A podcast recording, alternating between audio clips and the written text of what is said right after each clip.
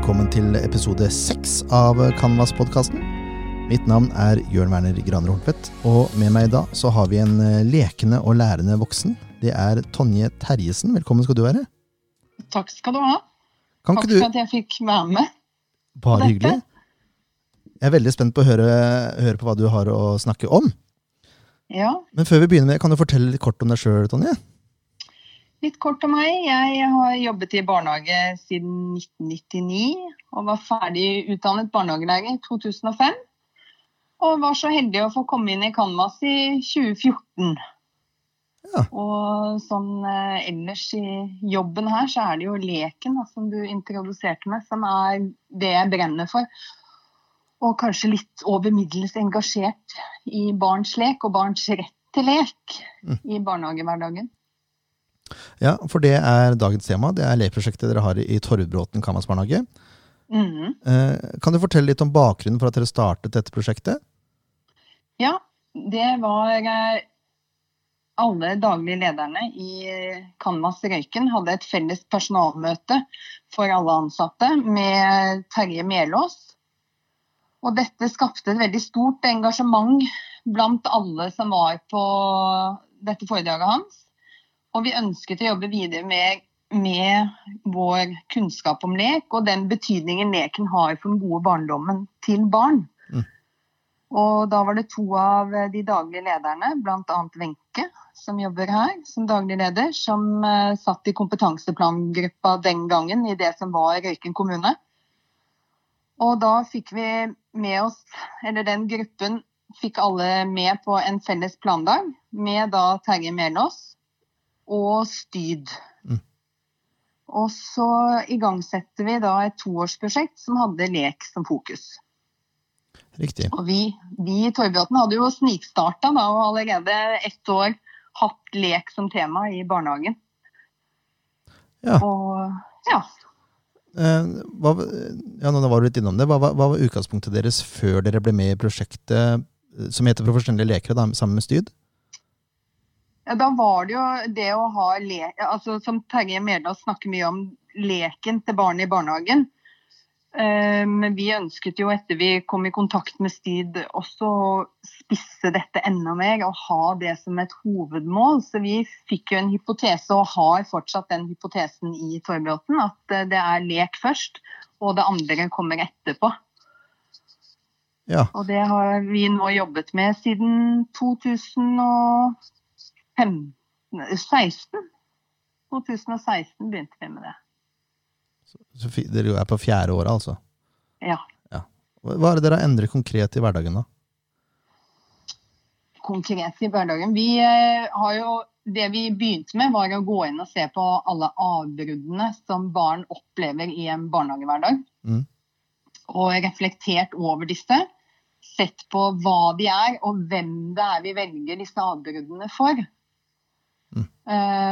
Og for meg, da, som kom tilbake etter barselspermisjon i 2017, og som i tillegg til eh, lek er også veldig glad i sang og musikk og samlingsstund, så var den første beskjeden jeg fikk når jeg kom tilbake på jobb, at vi har ikke samlingsstund lenger i Gammas barnehage. Nei. Og jeg tenkte, nei, nei, nei, da, det har vi ikke. Men det vi gjør, det er at vi tar utgangspunkt i barnas spontane samlingsstunder. Og de spontane ytringene og ønskene barn har i å ha en samlingsstund. Så jeg så jo at jeg gikk fra å ha en planlagt samlingsstund, gjerne før lunsj, til å ha fem-seks spontane samlingsstunder i løpet av en dag. Sånne pop-opp-samlingsstunder, som vi kaller det. Mm. Og da så vi at eh, barna deltok mye mer når det var på et mer barneinitiert vis enn at det er en planlagt samlingsstund som er planlagt av meg. Mm. Og vi bruker jo også snakkepakken, og disse står fremme, så barna kan gå og hente Bukkene Bruse f.eks. Og da tar vi et eventyr med Bukkene Bruse. Det er gjerne barna som styrer figurene, og vi som forteller. Mm. Og så er samlingsstunden ferdig når barna ønsker at den skal være ferdig. Og så deltar de barna som vil delta. Ja, nettopp. Så det er, det er som regel mindre grupper, da.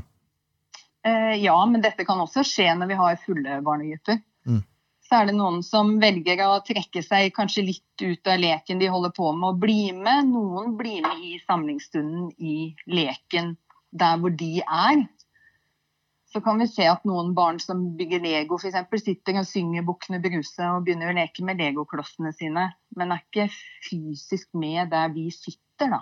Nei. Så når jeg da kom tilbake fra barselspermisjon, så jobbet jeg på småbarnsavdeling. Og da de, gikk de og banka på døren til kottet. Da ville de ha ut gitaren og synge et par sanger. Mm. Og så forsvant de etter hvert som de var ferdige å delta. Det er ikke sant. Og jeg syns jo, når jeg reflekterer over dette i ettertid, at disse samlingsstundene, som er sånne pop-up, gir meg, og ikke minst barna, mye mer enn disse fastsatte som vi skal ha. Alle skal sitte og høre på og delta. Mm. Ja, for man slipper, eh, man slipper de avbrytelsene hvor man må irettesette og, og be barn være stille og sitte på plass og, og den type Ja. ting. Mm. Og det blir mye mer av barns medvirkning da, Mm. i samlingsstundene. Så, og, så det er noe vi har fortsatt med. Og både barn som setter de i gang, og vi voksne som setter de i gang. Men hvordan kan en typisk samlingsstund se ut, da? Det kan være det. Er det på småbarnsavdeling, så kan det være fire sanger med gitar, eller fire spontane sanger der og da uten gitar. Eller et eventyr som blir fortalt med konkreter. Om det er dinosaurer eller elefanter som er bukkene Bruse, det spiller jo ingen rolle for barna. Nei, ikke sant. Eller om det er en tøffel. Og på store barna kan det være en, et barn som kommer med en bok og har lyst til å lese en bok, hvor du plutselig har ti stykker til med deg. Og så forsvinner de ut når de ikke selv ønsker å høre mer av boken. Mm. Og så blir det jo ikke, som du sier, disse forstyrrelsene for de andre barna som ønsker å delta. Nei. For dere prøver ikke da å fange barna inn igjen? Nei, da lar vi de stort sett gå. Ja. Og så begynner de å leke med noe. Og ofte ser vi jo at hvis det har vært formidlet et eventyr, så tar barna dette med seg inn i leken. Mm. Så de barna som forsvinner ut av en samlingsstund hvor vi forteller Bukkene Bruse, begynner gjerne å fortelle dette eventyret rett ved siden av, men på sin egen måte.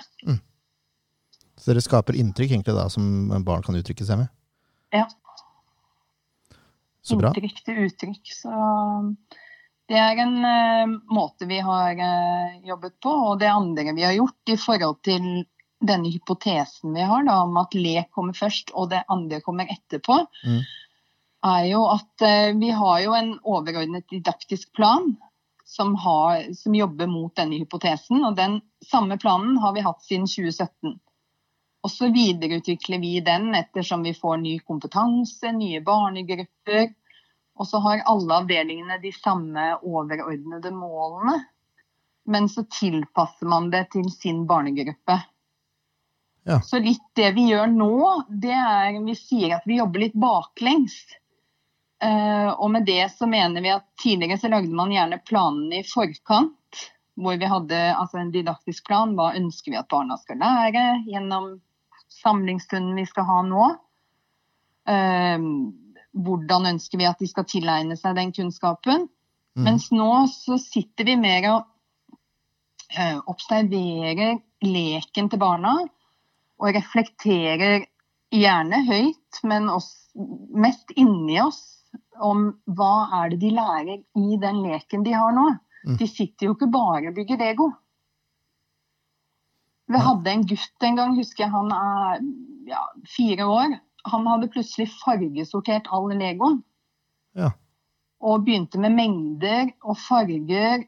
Og da var det så mye lettere å se hva han trengte når han bygde. Mm. Så det er jo masse realfag inn i leken, men vi har ikke fokus på å ha realfaget først. Nei, riktig. Um, Men hvordan jobber dere da med, med målene? Kommer de etter hvert eh, i forhold til det dere observerer i lek, eller er det sånn at dere eh, finner målene etter leken er avslutta? Vi har noen overordnede mål, Mm. og så har vi, eh, bruker vi avdelingsmøter veiledning med assistenter og barnehagelærermøter på å reflektere sammen og se hva barna har lært. På min avdeling så har vi rammeplanen i et tankekart. Mm. Så når vi har hatt noen grupper, så kan vi sitte og streke sånn Å ja, men det lærer de når vi, når vi leker kjøkken. Det må de ha av kunnskap. Det får de. Og så sikrer vi gjennom å samle denne pedagogiske dokumentasjonen at vi er innom alle eh, målområdene, fagområdene i rammeplanen. Mm.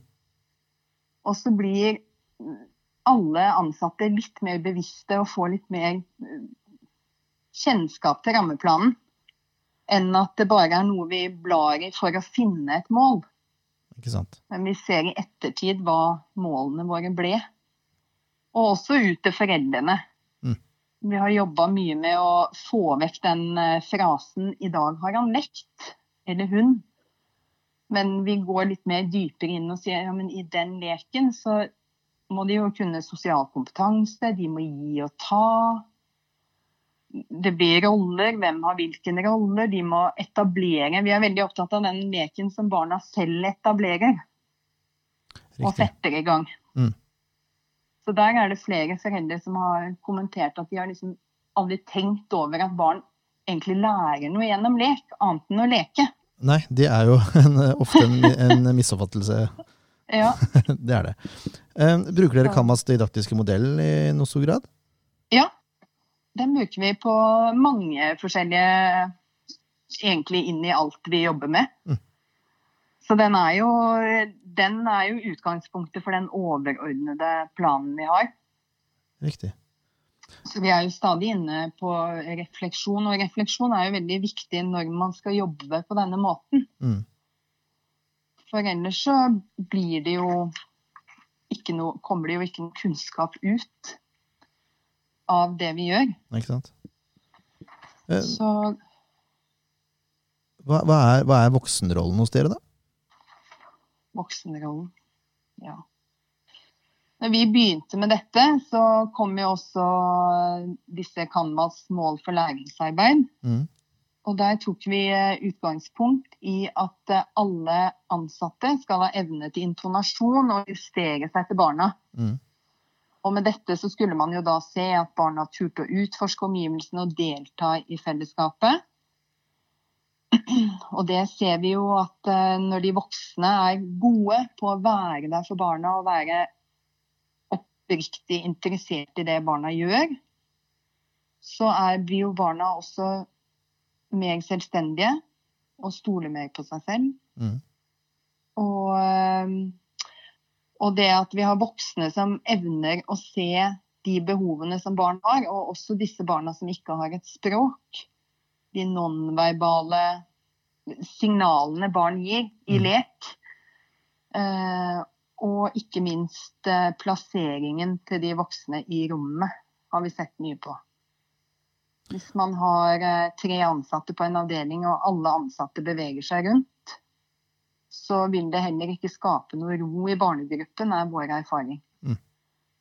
Men hvis alle de ansatte sitter på gulvet Vi har jo bl.a. fjernet alt som heter voksenstoler i denne barnehagen på avdelingene, så du har ikke mulighet til å sette deg på en stol.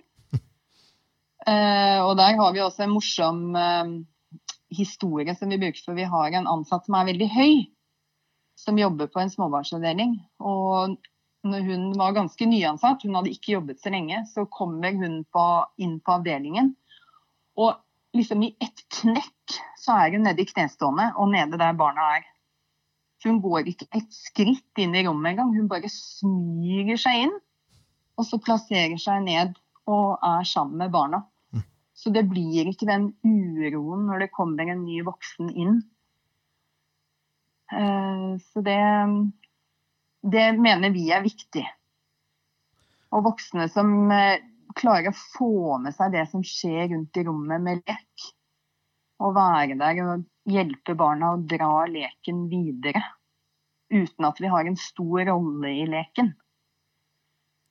Nei, dere, er- dere er på en måte fungerer som støttende stillas, på en måte, eller? Ja. Suffløser inn i leken, liker jeg å si. ja. Og så må, må vi kunne være det i, i flere lekearenaer samtidig. Så det krever jo mye Du må være pålogga Mm. og få med deg det som skjer i de fire-fem lekegruppene som er på avdelingen. Og smyge deg litt imellom de, sånn at oi, der trenger dere kanskje en sånn, kanskje jeg skal finne en tallerken til, så alle har hver sin. Så Så dere leiter Og- etter behovet barna har i leken, som ikke de helt ser sjøl ennå, da? Eller prøver dere å være litt Ja. på for, i forkant? Det- på en måte? i forkant og det de trenger for å, å få leken videre. Mm. For å drive den gode leken videre. Så vi har jo da tatt også utgangspunkt i eh, Barnekonvensjonen sin artikkel 31, Mm. som eh, har fokus på den leken som barna selv har satt i gang, som barna selv styrer og strukturerer. Det er den vi vil ha fokus på. Ja. Ikke leken vi setter i gang for barna. Så en typisk morgen på en avdeling hos oss er at det er gjort i stand lekemiljøer. Men det ligger bare presentert for barna. Vi har ikke satt opp dyrene og begynt å bygge legoen for å vise dem hva de kan bygge. Det ligger pent presentert i esker, Mm. og så setter barna i gang. Ja. Så dere lager et innbydende lekemiljø, da, rett og slett? Ja.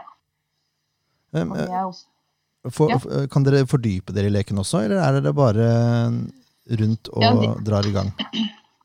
Det er også en ting vi har, eh, som er viktig for oss i forhold til det å få mer lek inn i hverdagen, er jo dette med tid. Mm. Å rydde vekk eh, litt av det praktiske. Tenke to ganger om man må gjøre det akkurat nå, eller om jeg kan være mer med i denne leken. Og vi deler veldig mye inn i grupper. Ja. Vi har et eksempel, Det er jo ikke nødvendigvis sånn i alle barnehager, men vi så litt hos oss at det, man fort har at alle skal være inne på formiddagen, og så skal alle ut på ettermiddagen. Mm. Men vi velger å dele gruppa i to. Nå jobber jeg på en storbarnsavdeling akkurat nå. Mm. Uh, og så har vi en viss satt ned hvem som skal være i hvilke grupper. Men hvis vi ser at tre av de barna vi hadde tenkt å sende ut på formiddagen, leker veldig fint, så finner vi noen andre barn å sende ut. Ja. Eller så venter vi. Så lar vi de leke ferdig, og så tar vi de når de er klare. Og når vi da har delt denne gruppen i to, så har vi ti barn ca. Ti-tolv barn igjen inne, som igjen blir delt på to store rom. Mm. Og så får de, hvis det er en som leker på fellesrommet vil inn og leke på avdelingen, så får de det. Men da har vi delt gruppa i to, og så etter lunsj så bytter de. Så de, de som er ute, får komme inn. Men da har vi også barn som er ute, som ikke vil inn. Ja, da får, de være, da får de være ute og fortsette den gode leken de har ute. Ja. Så mye mindre grupper, og da mye mer tid for de voksne til å være med i den leken som skjer. Mm. Men vi prøver ikke å ha en rolle som gjør at det er jeg som driver leken fremover. Det skal være barna sin lek. Ja. at de, vi, vi voksne, som du sier, skal heller være et støttende stillas da. Inn i leken. Så det er ikke sånn at dere, dere vil ikke ta noen eh, fremtredende roller, på en måte? Dere holder dere litt i bakgrunnen? Holder oss litt i bakgrunnen. Mm. Og hjelper de med det de skal ha trenger for å få leken videre. Um, I forhold til tilknytning, da, er det, er det en viktig del av det dere gjør? Tilknytning startet jo eh, Kom også tidlig inn på planen. Mm. Og det å se på tilknytning litt mer enn eh, bare de første månedene i barnehageåret, Mm. ble, begynte vi å reflektere. Er vi gode når vi mener at barna er etablert i barnehagen til å fortsette tilknytningen? Eller tenker vi at jobben er gjort etter to måneder? Og der så vi jo eh, da på de små, men også de større barna, at en helg hjemme eller et langt sykefravær eller en ferie kunne jo være nok til at eh, det ble vanskelig å komme tilbake i barnehagen. Mm. Så, og vi lærte også av eh, i dette prosjektet at utrygge barn leker ikke. Nei. Og, og, da hvis vi skal ha fokus på, at, eh, på leken, og at barn skal leke, så er vi jo avhengig av å ha trygge barn. Så det vi gjorde hos oss, og som vi fortsatt gjør, det er jo at hvis barna er syke over lengre tid, så har vi telefonkontakt med foreldrene. Mm. Og snakker litt om når de skal komme tilbake, sånn at det er en kjent ansatt på jobb. Bytter gjerne kanskje litt på vakter. Sånn at tilbakevendingen blir til det beste for barnet. Mm. Og vi så jo også da fort at når vi jobbet på denne måten, så ble barna mye fortere trygge også. Mm. Og, og, begynte å leke. Så jeg hadde jo en nyantatt nyansatt barnehagelærer hos oss som sa når hun var på, jobbet på småbarnsavdeling, at uh, hun har aldri opplevd at uh, ettåringer kan samhandle om å bygge Lego. Nei. Blant annet. Og da hadde vi jo et rom fylt med bare Duplo, Lego. Og voksne som ligger på gulvet sammen med barna og bygger. Ja, noen synger, noen leker litt, og så går de tilbake til å bygge Lego, som også er lek. Mm.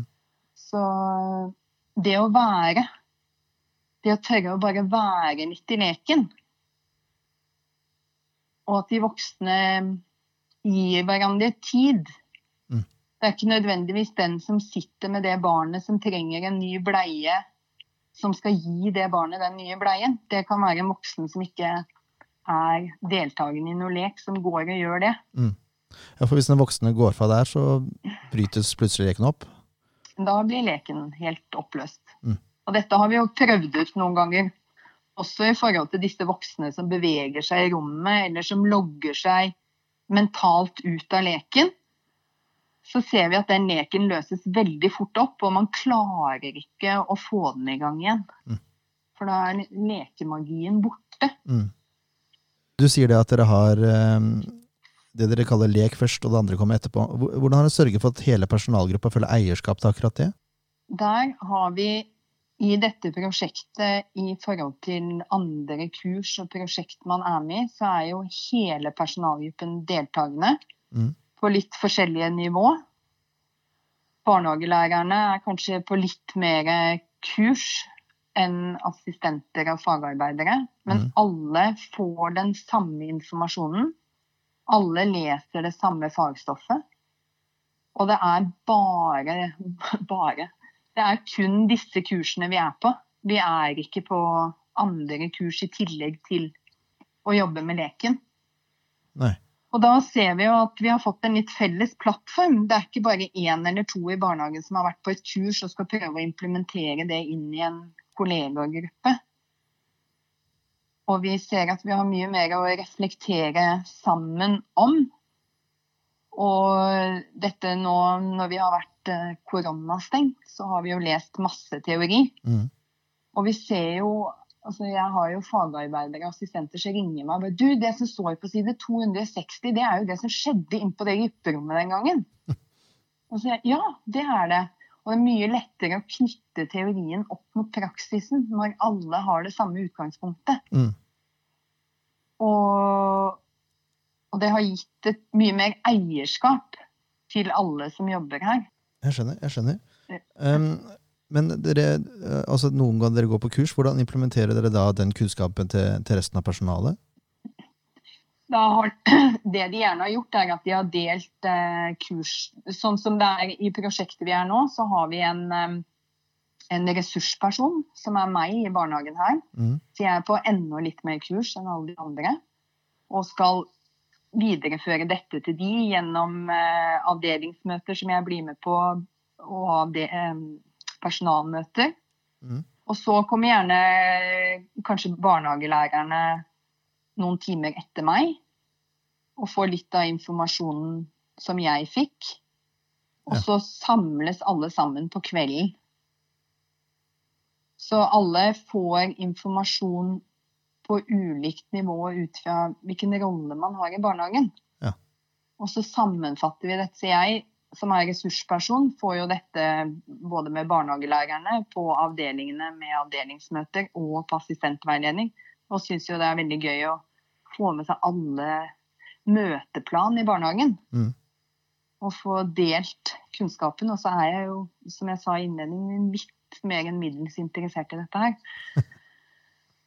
Så det kan jo hende de av og til blir litt lei av meg òg. Det vet jeg ikke. og all kunnskapen jeg har lyst til å dele. Som jeg, ja, som jeg, så for meg å lese fagkunnskap om lek, det er som å lese en novelle for en annen, tror jeg. Mm. Så det så jeg tror et eh, godt utgangspunkt for å få med seg hele personalgruppen er at alle får den tilnærmede samme informasjonen. Mm. Enn at um, man går på mange forskjellige kurs. Ikke sant. Så vi har jo fortsatt, uh, fortsatt et samarbeid med Styd nå i barnehagene, hvor de har vært inne og observert oss i vår rolle sammen med barna, hvor vi får tilbakemeldinger som de skal jobbe videre med. Ja. Så det er jo også spennende. Hvordan, kan en sånn tilbakemelding være, da? Eh, det vi gjorde når vi hadde de eh, inne, var jo å gi de en konkret ting som vi ønsket at de skulle observere oss i. Mm. Og de tilbakemeldingene kunne gå på vår deltakelse i lek, om vi er for deltakende eller om vi er for lite deltakende, mm. og relasjonene vi har med barna. Og da satte de jo i gang en diskusjon om man skal ha eh, samme relasjon til alle barn. Kan vi gi alle barn det samme? Eller skal barn ha forskjellig ut ifra hvem de er? At man ikke kan ha samme utgangspunkt. Mm. Uh, det er nesten en egen podkast, hører jeg. det er nesten en egen. Den kan vi ta neste gang. Men, Også, ja. Nei, bare fortsett, du. Bare fortsett. Så, og hvor de ser på, Der kunne de også se på én-til-én-relasjoner.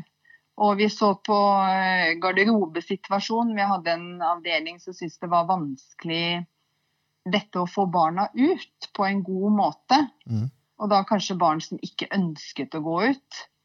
Ehm, skal de få lov til å være inne en hel dag fordi de ønsker det selv? Eh, og hvilke, hvilken rolle har jeg som voksen i å få hjulpet disse barna ut? Og det var også en spennende For vi skal jo gjøre det sammen med barna. Mm. Vi skal ikke eh, Men en ting vi også har sett og erfart, er jo at det er jo jeg som må endre meg for å endre barna.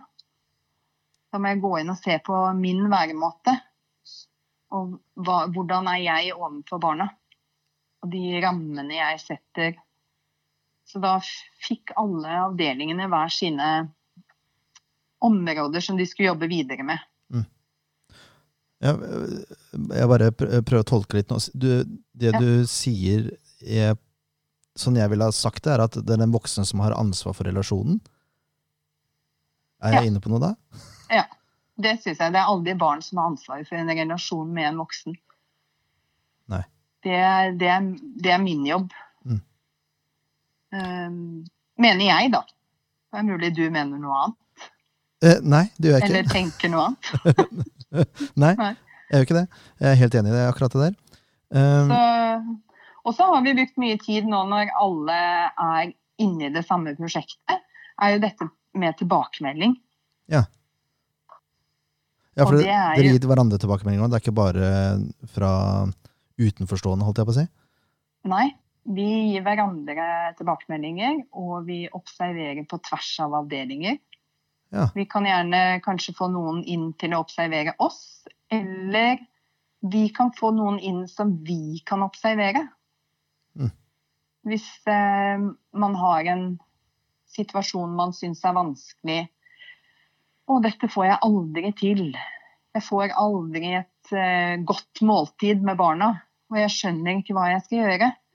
Så har vi kunnet ta inn en annen fra en annen avdeling som har holdt måltidet som de ville gjort det. Hvor vi snakker noe sammen under observasjonen, og så tar man gjerne en samtale etterpå. For ofte kan man jo kanskje gå litt fast i sine egne spor. Da. Det er ikke så lett å se seg selv utenfra. Men tilbakemeldingskultur er jo ikke bare lett heller. Nei, absolutt ikke. Men hvordan, hvordan fungerer da mm, Altså, Sitter dere da ved siden av bordet og ser på, eller eh, hvordan, hvordan fungerer det? Vi deltar gjerne inn i eh, måltidet Mm. og er en hjelpende voksen. Hvis vi tar måltidet som et utgangspunkt, at det er der vi får veiledning. Mm. Og samtidig som vi observerer den voksne i hva den, hvordan dens væremåte er. Hvilke, hvilken gjørekompetanse har den voksne i dette måltidet som jeg kan lære noe av. Mm. Også det å stille hverandre spørsmål når du gjorde det der i stad i leken. Hvorfor gjorde du det? Og, og det å At ikke disse tilbakemeldingene går på deg som person. Det går jo på dette å undre seg litt sammen Mm. Hvorfor vi gjør ting forskjellig, eller kanskje man handler i refleks. Også når man får et spørsmål, og sier jeg, vet du hva, det vet jeg egentlig ikke helt hvorfor jeg gjorde. Mm. Men det var, eller, det var godt at du gjorde meg oppmerksom på det, sånn at man skaper en ny refleksjon der. Er det det ikke veldig lett å, ja, er det, Unnskyld. Nei, Er det ikke veldig lett å gå i forsvar da, når man får en sånn type tilbakemelding? Ikke i denne barnehagen. For her, her har vi jobba så mye med det. Ja. Nei. Jo, man kan jo eh, Men her tenker jeg at det handler litt om måten man gir de, den tilbakemeldingen på også. Mm. Om man gjør det på en undrende måte fordi man lurer, eller om man Hvilken undertone man har når man spør spørsmålet. Mm. Og her er vi alle veldig åpne og har snakket mye om dette med tilbakemeldingskultur. Mm. Og at vi alle ønsker tilbakemeldinger på vår egen praksis. Riktig. Og at, eh, og um, at ikke det skal bli som noe negativt, men det skal heller være for å drive oss fremover i dette prosjektet. Det er, det er et Men- krevende arbeid. Ja. Men vi, eh, og der tror jeg også igjen dette at alle har det samme utgangspunktet. Mm. Gjør kanskje også den tilbakemeldingskulturen litt lettere. Og, og tilbakemeldingene da, de kommer som regel i spørsmålsform, eller? De kan komme i spørsmålsform. Stort sett så er det Og man tar de da gjerne én til én Mm. med den det gjelder. Og vi ser jo også Når vi har jobbet en del med dette, så stiller man nesten tilbakemeldingene selv. Mm. Ja, Istedenfor at jeg spør, så kan en ansatt av meg komme bort og bare Du, så du det som skjedde der i stad? Hva tenker du om måten jeg gjorde det på? Mm. Eller, så det, man etterspør nesten tilbakemeldinger. Er det lettere enn å få, bare få, tror du? Det kan være, men jeg tror også det handler om at man kanskje er litt mer bevisst. Mm. Siden dette er et prosjekt vi har holdt på med lenge, og alle begynner å få det godt innunder huden nå, Mm. så kjenner man kanskje litt på den praksisen man gjør. At man kanskje begynner å reflektere litt i ettertid selv. Mm. Og så er det lettere å gå og spørre om en tilbakemelding. Mm. Ja, for da er man bevisst rollen sin. man ja, og så er det viktig at man også er god på å gi de positive tilbakemeldingene. Mm. Ikke at en tilbakemelding med et spørsmålstegn trenger å være negativ, men at man også er god på Det der var knallbra, det du gjorde der borte. Og så Beate, du Hvis det er et barn man har en um, Man ikke er helt enig med, Mm. og barnet ikke er helt enig med deg, så kan det fort bli en Man må få barnet litt ut av den uenigheten. Og hvordan gjør man det på en god måte? Mm. Hvis den ikke hadde så veldig lyst til å ha på akkurat den genseren når vi skulle gå ut, men du som voksen vet at det er ti minusgrader ute, og du bør ha på deg den genseren, ikke Supermann-T-skjorte. Og hvordan, hvordan gjør man dette på en god måte med en fireåring? Jeg tror ingen kjenner seg igjen i det. tror du det? Nei, jeg tror ikke det er noen som har opplevd det. er noe særegent vi har her ute. Så, og da har vi også hatt ansatte som har Kan du observere meg litt nå? Kan du observere oss? Se litt på dette, og så kanskje man kan komme med noen sånne små tilbakemeldinger der og da. Nå syns jeg at du skal Kanskje du skal prøve. Mm. Og så har man noen å stå i det sammen med. Mm. Ja, for det er viktig.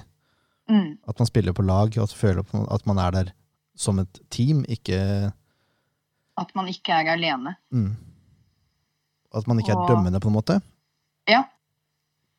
Og det er jo også dette jeg snakket Altså ordlyden når du spør eller gir tilbakemeldinger. Mm. Fordi jeg tror ingen ønsker å gi tilbakemeldinger en, for å være dømmende. Nei. Men noen ganger i en barnehagehverdag så kan kanskje disse spørsmålene komme litt fort ut. Mm. Eller treffe litt feil. Og da er det også viktig å gå tilbake tenker jeg, og si at det var ikke sånn jeg mente det. Nå så jeg at du kanskje oppfattet det litt feil. Mm. Eller sånn, det var ikke intensjonen min at det skulle komme fram på den måten. Og så er det viktig som du sa i stad, at dette handler om profesjonsrollen. Det er ikke deg som person. Altså, det handler om hva du gjør i ditt arbeid. Mm.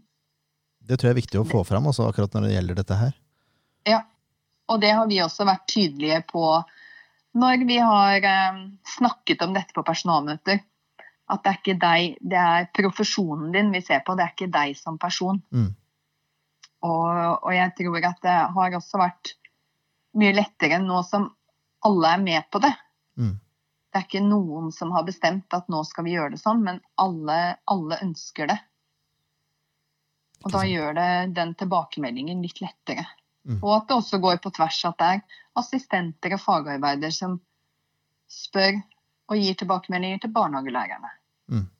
Så det er ikke bare barnehagelærerne som gir, men de får også, og det tror jeg er viktig. Mm. For vi, vi også kan fort ikke ha så lett for å se oss selv utenfra. Ja, vi er bare mennesker, vi òg. Ja. Jeg tror det. Men, eh, men de tilbakemeldingene de går mest på hvordan man er som voksen i leken. Er det det dere har mest fokus på? Ja, voksenrollen. Mm. Og hvordan, eh, ja, hvordan du er i møte med barn. Ja. Eh. Og, ja, og den, den rollen du har i, har i eh, leken. Mm. Så vi tror at det er viktig også i, i hele dette lekprosjektet. Mm. Du var inne på det i stad, at det er barn selv som får velge litt eh, eh, Eller ikke velge litt, men velge hva de har lyst til å gjøre og sånn. Mm. Men når dere da tilrettelegger eh, for lek til neste dag, da, hvordan er det dere skaffer dere den informasjonen dere trenger for å la barna medvirke? Vi har jo eh, i eh, starten av dette prosjektet ryddet eh, mye i barnehagen. Mm. Og stort sett fjernet det meste vi har av det som man kaller definerte lekemateriell. Så vi har ingen uh, Fisher Price-leker til småbarna og sånne ting. Og så Mm. har vi fylt på med det udefinerbare. Det som kan bli veldig mye. Mm. En bil er stort sett bare en bil. Mm. Eh, Men vi har de definerbare òg, men de bruker vi mer som et supplement inn i leken. Mm. Så det vi kan sette fram om morgenen, det kan eh, jo være da noen biler. Det kan være planker, kabeltromler, eh, klosser, eh, svamper steiner, kongler, oppskjærte sånne skiver med, fra et tre vi har felt Ja. som vi plasserer rundt. Og så setter barna i gang leken, og så kan vi si 'Å, hva er det du har lagd der borte?' 'Nei, jeg holder på å lage meg en butikk.' Ja, men da trenger du kanskje Og alle møblene på avdelingene våre er flyttbare. Ja. Så da begynner de å snu sånne lave hyller og lage butikker og kjøkken. Og så kan vi hente fram kurven eller kassen vi har med kjøkkenting. Og så er vi veldig opptatt av dette med mengder. Så eh, vi lagde oss et uttrykk eh, når vi startet med dette, at 'less gives more'. Ja. Og med dette så mener vi at jo mindre ulike leker vi tilbyr barna, men jo mer av de lekene som vi tilbyr vi har, så får barna en bedre lek. Mm. Og det blir mindre konflikter. For det blir ikke 'jeg skal ha den traktoren'. Og den traktoren hadde vi bare én av. Eller eh, hvis du putter én dukkevogn inn på en småbarnsavdeling med 14 barn, så kan vel de fleste tenke seg hva som vil skje. ja, har litt erfaring med akkurat det der, faktisk. Ja, og, da, og, og, det blir mindre kamp om lekene mm. fordi at vi har så mye av det. Og også dette at vi har barna i mindre grupper. Og da, setter, da er det jo barna som setter i gang leken. De styrer selv hva disse plankebitene skal bli. Noen bygger bilbane, noen bygger hus med disse klossene og finner frem noen små sånne duplofigurer som kan bo i disse husene. Mm. Så Det som også er viktig for oss, er jo at de lekene som vi tilbyr barna, går an å kombinere sammen. Ja. Og så blir jo da, som vi snakket om, at eh, da blir jo min rolle inn i leken blir jo å finne ut hva barna trenger for å drive denne leken videre. Mm. Og da kan det også være noen barn som sier 'jeg trenger en bil'. Ja, en bil, ja, en bil jeg kan sitte i. Ja, men du, vet hva, jeg har en svær pappkasse, for det kom noen varer i går. Så kan vi hente dem, så kan vi finne maling, og så begynner de ja. å lage og male en bil. Og da har man plutselig har, en formingsaktivitet? Da har man plutselig en formingsaktivitet. Mm. Og så er det ikke sikkert at denne bilen varer noe mer enn den dagen. Nei. Men da kan vi lage en ny bil en annen dag, så vi sparer på alt av alt av pappesker som kommer inn. Eller et rom fylt med Vi gjorde det på småbarnsavdelingen. Vi hadde ti kilo ris inne på et grupperom. Mm. Og der eh, Ja, de måtte vi altså Den risen måtte støvsuges opp omtrent for å få barna ut av leken. For da lekte de jo i timevis. Og da hadde vi bare ris, bøtter, spader, alt sånn sandkasseleker Mm inne på det rommet. Ja. Det, eller et rom med bare pappesker. Hva man kan leke. Og det å se litt hva barna, hvilken kreativitet barna bruker for å få i gang en lek. Mm. Og da også gi de det rommet til å holde på med denne leken. Tror jeg er viktig. Dette med tid. Mm. Det, er, eh, det, er, det er barna som styrer oss og hverdagen. Det er, ikke, det er, ikke, min klokke som styrer barna, det er barnas klokke som styrer meg når jeg er på jobb. Mm. Og det har vært viktig. Og er viktig. Så dere har ikke sånne rigide mm, rutinesituasjoner i forhold til tid? Nei. Ikke på verken småbarnsavdeling eller sårbarnsavdeling. Og det, det, har jo, det har jo krevd litt av personalet. Noen ja. jo, trenger veldig å vite hva de skal når de er på jobb, mm. Men sannelig er det ikke så nøye for. Jeg vet når jeg begynner, jeg vet når jeg slutter, og så går det gjett det som kommer imellom. Mm. Um, men de Vi har jo litt sånn De spiser jo rundt elleve, og de sover jo på småbarnsavdeling, men mm. vi ser i en sånn oppstartsfase på småbarnsavdelinger, så får de spise når de er sultne, og melde behov om det. Og de får sove når de trenger å sove. Mm. Og, da, og også på storbarnsavdeling er de sultne. Det er jo ikke alle barn som er frokostbarn. Og skal de da ikke få noe mat før klokka 11 fordi at det står på planen? Eller kan de få med seg en brødskive inn i leken eller ut i hånda når de er ute og leker? Og da har vi Når vi møter de basale behovene som barn har, så blir de også tryggere og får en bedre hverdag. Og da igjen så leker de jo bedre. Mm.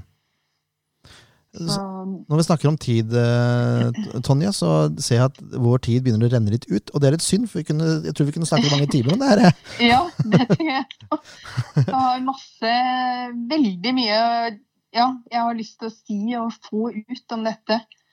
Men eh, ja, jeg håper jo at noen har lyst til å, å prøve ut noe av dette i egen barnehage. Mm. Har, har, du da noen tips til disse personene om hvordan de, hvordan de, kan tilegne seg kunnskap og implementere dette her i, i sin hverdag?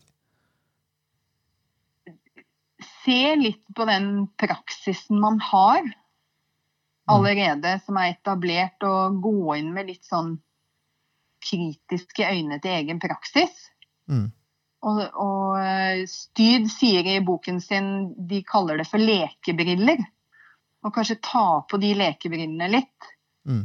Uh, og, Og det å gi litt tid. Ja, bare vær litt sammen med barna. Mm. Blås i klokka, liksom. Blås i klokka. Mm. Den, vi får gjort det vi skal i dag. Bare det å tørre å være litt. Sitt på rumpa med mening. Mm. Og, og være med i den leken som skjer her og nå. Det ønsker jeg at eh, barnehagene, Canvas-barnehagene skal prøve på Mm. å gjøre. For er, det er veldig spennende. Veldig spennende jobb. Og det er eh, bare å spørre hvis man har lyst til å vite mer. Ikke sant. Det det var så kloke ord. Ja. Men, men da vet dere det. Hvis dere har lyst til å, å lære litt mer om dette, her, så ta kontakt med Tonje Terjesen fra Torvbråten Kamas barnehage. Det er ikke Ja. så vanskelig å finne fram nå som man har Teams og sånn samarbeid. Mail, eksempel. Veldig Ja. Tilgjengelig overalt og når som helst. Ærlig. Um, og for å bruke litt ekstern hjelp også, så går vel an å ta kontakt med Styd. Ja. De, og de har jo også en eh, fantastisk blogg Mm. på styd.no som eh, jeg vil anbefale å ta en titt innom. De er Absolutt. flotte, reflekterte damer som jobber der. Så, og bare ta kontakt med dem hvis man ønsker å prøve ut dette prosjektet selv. Absolutt. Jeg hadde Line Melvold som lærer på høyskolen. Kan si hun var den beste læreren jeg har hatt. Ja, det vil jeg, det vil jeg tro. Så litt snikskritt der. Ja. Men Tonje, tusen takk for at du tok deg tid til å prate med oss. Og tusen takk for at jeg fikk lov til å delta her og dele av våre erfaringer. Kanskje vi kan prates en annen gang også, og dele enda mer. Ja, det håper jeg. Takk for nå. Takk for nå.